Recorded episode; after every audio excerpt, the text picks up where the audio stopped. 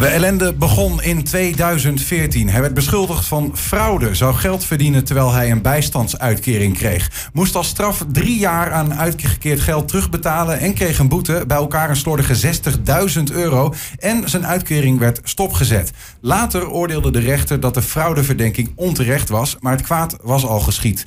De Enschede zat diep in de schulden. Een bewindvoerder bepaalde daarna jarenlang wat hij wel en niet mocht kopen. Tot nu, want hij is eindelijk schuldenvrij. Dames en heren, mag ik een hartverwarmend applaus. Ronald van Doorland. Dankjewel. Ah, Ja, eindelijk vrij. ja man, hoe gaat ie? Goed. Ja? Ja. Ik, eh, nou ja, je, je, je bent niet meer afhankelijk van anderen. En eh, ja, je krijgt weer je vrijheid terug. Je kunt weer zelf het een en ander beslissen. Ga, gaan het er uitgebreid over hebben. Ja, Ja, ja, ik zit dat Ronald, als je je vrijheid terug hebt, moet je niet met zo'n streepjes pakken hier binnenkomen. Eigenlijk niet, hè? Waar hij landen even te laat. ik, ik zat te denken aan tv, want dan helpt streepjes ook niet altijd mee. Maar ik snap hem. Eh hey, maar hoe lang is het nou precies klaar? Eh, officieel eh, begin deze maand. Maar eh, ja, met vakanties is dat een, omdat je het een en ander af moet handelen en tekenen. En is dat officieel voor afgelopen dinsdag geweest. Mhm. Ehm, nou ja, goed, nou worden alle bedrijven aangeschreven dat de post niet meer naar de bewindvoerder moet, maar naar mij toe moet. Mhm. En nou ja, dan moeten we nog straks weer het een en ander ondertekenen, onder andere de bank. Want ja, dat, liep dus allemaal via de bewindvoerder. Ja. En dat gaat dus allemaal weer op mijn naam. Alles werd door een externe bepaald. Als je, als je iets wilde kopen, wat dan ook. Dus eh, nu, want daar- zometeen wil ik daar echt nog met je verder uitgebreid over praten.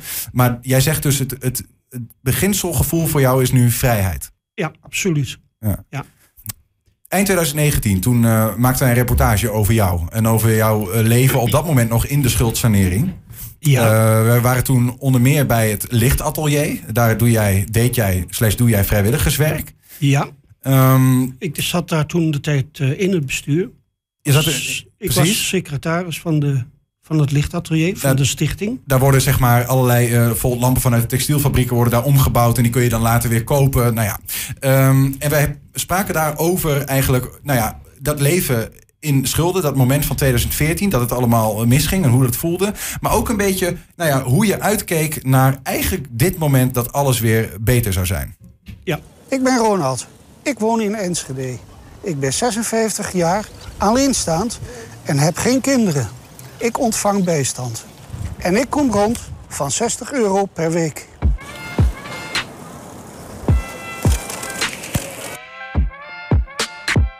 In de boodschap vertellen Ik weet niet zeker of we hier het goede eh, videofragment eh, hebben. Ik zocht even naar dat moment dat we met elkaar eh, aan het praten waren. En toen hadden we het eigenlijk over van nou ja, licht, eh lichtatelier.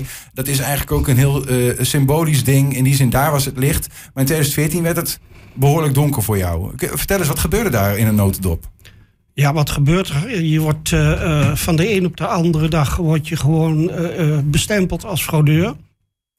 À la minuut werd de uitkering stilgezet.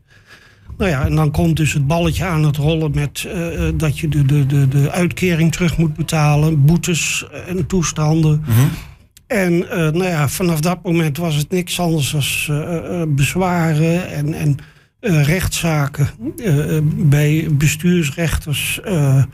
de rechter in Almelo, het is een centrale raad voor beroep geweest. Ja, En eh, nou ja, op een gegeven moment is dat allemaal rechtgezet. Het enige wat eh, is blijven staan eigenlijk, dat was dus het feit dat ik eh, mij eh, schuldig had gemaakt aan de inlichtingenplicht.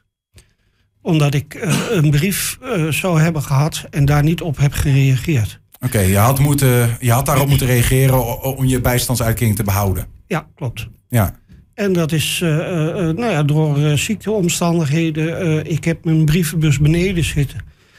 Is dat te laat geweest? Mhm. Daarop heb ik meteen zwaar gemaakt. Van ja, luister, ik, een dag later dat ik eigenlijk op het matje had moeten komen. ja. Luister, ik heb die brief gemist, ziekte. En ik verwacht geen belangrijke post. Dus ik ben die dag even niet naar de brievenbus geweest. Mhm. Nou ja, dat werd eh, mij kwalijk genomen. Ja, ja. Ehm, om zeg maar dat hele ingewikkelde, wat langer verhaal kort te maken. Je kreeg, eh, nou ja, wat ik zeg, hè, je kreeg een, een, een boete. Ja. Je moest je bijstand over drie jaar terugbetalen. Nou, 60.000 euro. Nee, maar het was eh, meerdere jaren. Ja, ruim vier jaar. Ja, je moest en, en je uitkering werd stopgezet. Ja. Uiteindelijk heeft dat laatste vooral je de das omgedaan, toch? Want je, je uitkering werd stopgezet. Ja, Eh, eh, de, de rest werd teruggedraaid. Alleen die maanden dat je geen uitkering kreeg. Ja, dat is een, eh, vind ik zelf, hele grove fout geweest van de gemeente Enschede. Want normaal gesproken, als jij, dan wordt je uitkering stopgezet, om wat voor reden dan ook, dan kun je eigenlijk diezelfde dag nog weer een nieuwe uitkering aanvragen. Maar dat moet je wel weten. En in mijn geval, ik denk, nou ja, ik ben eh, bestempeld als fraudeur, dus ik krijg geen uitkering meer. Totdat mijn advocaat na een half jaar er- erachter kwam van... ja, jij hebt geen uitkering, maar hoe zit dat? Die had je weer aan kunnen Je vragen. had hem gewoon meteen weer aan kunnen vragen. Je kunt meteen weer Ja. aanvragen. Als je dat had gedaan en je had hem gekregen. Eh, de rest was allemaal weer teruggedraaid door de rechter. Klopt. Nou, was er dan, dan, hoe groot was dan de schade geweest? Heb je daar wel eens bij stilgestaan? Eh, nou, dat had mij duizenden euro's geschild. Want het is natuurlijk zo, je kunt op een gegeven moment de huur niet meer betalen. Ik moest rondkomen van het verkopen van erfstukken en dergelijke. En ja, je krijgt dus een enorme schuldenlast. En dat niet alleen. Die schulden die kosten heel veel geld. Want die deurwaarder, elke brief die die stuurt, kost je een handenvol met geld. Ja, ja. En die kosten die er dus eigenlijk bovenop komen op die schuld, die zijn enorm groot. Nou is er de afgelopen tijd best heel veel eh, te doen geweest. Hè, over, ehm, nou ja, we kennen de, de toeslagenaffaire staat ons eh, echt voor in het hoofd. Ja. Ehm, maar we horen ook eh, verhalen over iemand uit Bo- Weidemeren die bijstand krijgt, maar boodschappen van de moeder krijgt. En dan zei de gemeente, die boodschappen, ehm, ja, die had je moeten aangeven, heb je niet gedaan. Dus je krijgt ook een, een, een boete en een je uitkering wordt teruggevorderd. Ja. Ehm, die verhalen lijken best veel op hoe jij eigenlijk als fraudeur bent aangemerkt. Klopt. Hoe, hoe heb jij gekeken afgelopen tijd naar al dat soort verhalen? Nou, de, de, gro- de hele grote overeenkomst van al dat soort verhalen komt eigenlijk neer op artikel 17 van de participatiewet, de inlichtingenplicht. Als jij iets, iets doet wat aannemelijk is dat jij daar gewin aan hebt, want daar gaat het om, dan moet jij dat opgeven aan de eh, eh, bijstandsuitkering.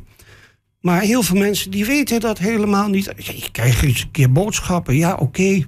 Moet ik dat opgeven? Dat weet ik helemaal niet. Ja, ja. Officieel is het zo, als ik eh, een koelkastje verkoop via Marktplaats, dan moet ik dat opgeven.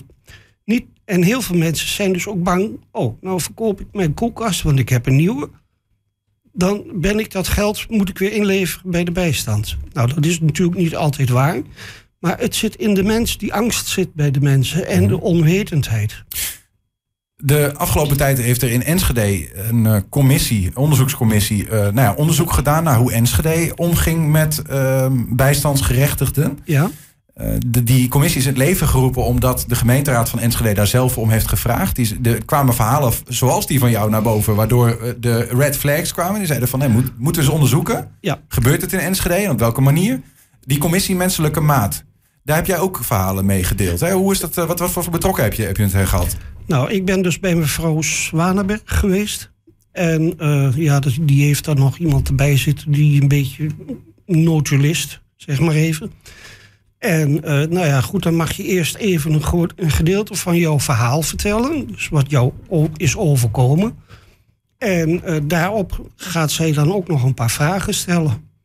En ja, nou ja, goed, het, het was een beetje onder tijdsdruk, want je hebt maar zoveel minuten. En dan eh, moet het klaar zijn. Ja. Maar eh, ja, op zich, eh, eh, ja, ik vond het op zich verhelderend. Ja. Ernst, ik zit even, kijk even jou aan, want je hebt hier eh, nou ja, uitgebreid, heb je dit meegekregen, een stuk over geschreven. Wat is in de notendop de conclusie van die commissie geweest? Nou, is dat veel van de signalen en de verhalen zoals Ronald, Ronald ze vertelt en eh, zoals wij ze gebracht hebben, dat die verhalen kloppen. Ehm, en dat de menselijke maat eh, wel wat ver te zoeken was hier en daar. En dat dat ook wel door financiële, financiële tekorten inge- ingegeven was. Door de tijdgeest. We moeten vooral heel streng zijn op fraude. Maar dat daar veel mensen wel van eh, tussen de wielen van het systeem zijn geraakt. Uh, dat is de ene kant van het verhaal. Hè? Dus, dus die signalen waren er en die signalen hadden aanleiding moeten zijn. Is niet helemaal gebeurd. Mensen zijn er wel het slachtoffer van geworden, dus dat klopt. Menselijke maat was zoek. Tegelijkertijd ook wel het verhaal dat, uh, dat, er, dat de tij wel wat aan het keren is. Jij noemde net al de toeslagenaffaire. Um, nou ja, dat heeft wel onze kijk op de manier waarop we omgaan met mensen die afhankelijk zijn van een uitkering van de overheid. Wat voor uitkering dan ook dat we daar beter naar moeten kijken. Dat we daar beter die menselijke maat in acht moeten Het moet minder getalletjes, minder computerwerken, minder, uh, en, en moet meer menselijke maat uh, worden. Ja, echt, echt meer menselijke maat worden. Ik vroeg me wel even af, eh, Ronald, want jij, bent, jij hebt een tijd bij de, bij de, bij, een hele tijd bij de Stadsbank gezeten. Ja. En volgens mij ben jij daar best wel heel goed geholpen, ondanks al het gedoe.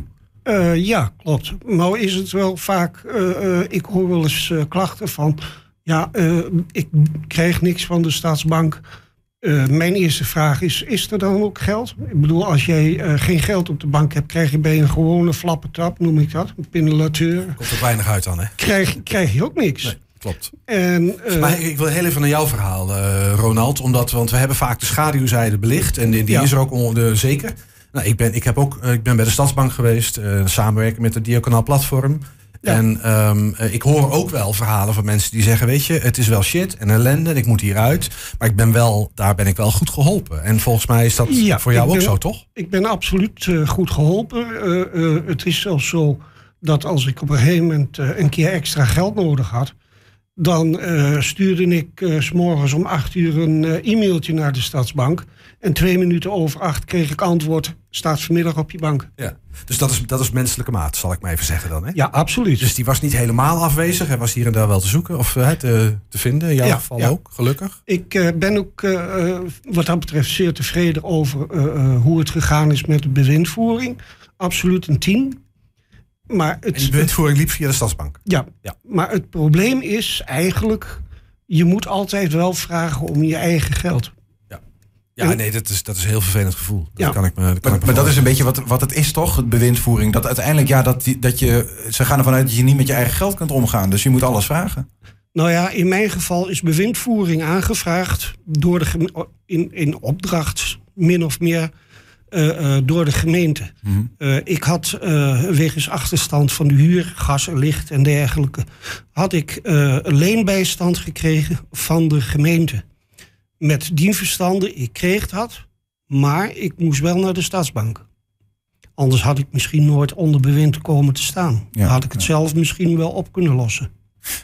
Je hebt, um, om maar een bruggetje te maken, dat staat ook in het fragment wat ik had willen laten zien. Maar toen zei je van, ik zit eraan te denken om eigenlijk na de tijd dat ik, als ik weer vrij ben, nu, om dan toch nog uh, budgetbeheer te blijven doen. Klopt. En dat, daar heb je volgens mij ben je bij gebleven, want uh, dat wil je nu nog steeds, toch? Uh, ja, dat, dat is dus nu in, in behandeling, onder andere met de Rabobank. Wat houdt het in? budgetbeheer houdt in dat je vaste lasten worden betaald. Even grofweg gezegd, je vaste lasten worden betaald en de rest moet je zelf uitzoeken. Ja. Is dat nodig dan? Want in principe kun jij toch gewoon goed met je geld omgaan? Nou ja, ik heb het ja, eigenlijk in de achterhoofd meer gedaan, eventjes puur om weer te wennen. Het, uh, ik ben vanaf 2017, zeg maar even, afhankelijk geweest van budgetbeheer en, en bewind. En nou ja, als je dus bewind hebt en je wilt dat stoppen, dan moet dat altijd via de rechter. En als ik zeg na drie maanden, nou, het zelf wel. Dan ga ik naar de stadsbank en dan zeg ik, nou, ik stop, stop, met budgetbeheer. Ja, ja, precies. Je bent vrijer. Maar voor nu, de, de, de druk is zeg maar net uh, van de ketel. Maar om te zorgen dat je niet in één keer ontploft, ja. denk je van misschien is het handig. Ja, dat ja. je niet te veel feest gaat vieren. Ja, precies. En even oh, toch een beetje tot slot, Ronald, dat feestje. voor ogen schouwen. Heb je trouwens, heb je, heb je het al een beetje je vrijheid gevierd met dat geld? Mm, nee, niet echt. Nee, nee. Nee, en als je nou iets zou moeten bedenken voor jezelf... van ja, dit wil ik eigenlijk al heel graag doen... en dat kan gewoon nu beter dan, uh, dan eerder? Uh, ja, goh, ik ben uh, al jaren bijvoorbeeld niet meer op vakantie geweest. Nog niet echt een dag weg. Dus dat zou wel eens een keer leuk zijn dat als ik zeg, nou ik ga eens een keer, maar dat ligt ook nog weer aan die corona-rommel natuurlijk. Zo krijg je dat weer, ja. ja. Hey, uit de schulden zit je in de coronamaatregelen. Ja, nou ja, goed. Maar zoiets, ja, dat zou, dat zou wel leuk zijn. Nou, ik uh, gun het je echt vanuit de grond van mijn hart.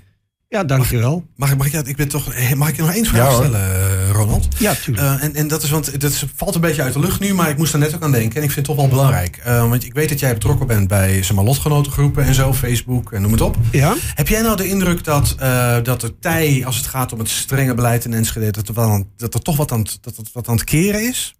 Wat, wat is jouw beeld daarbij?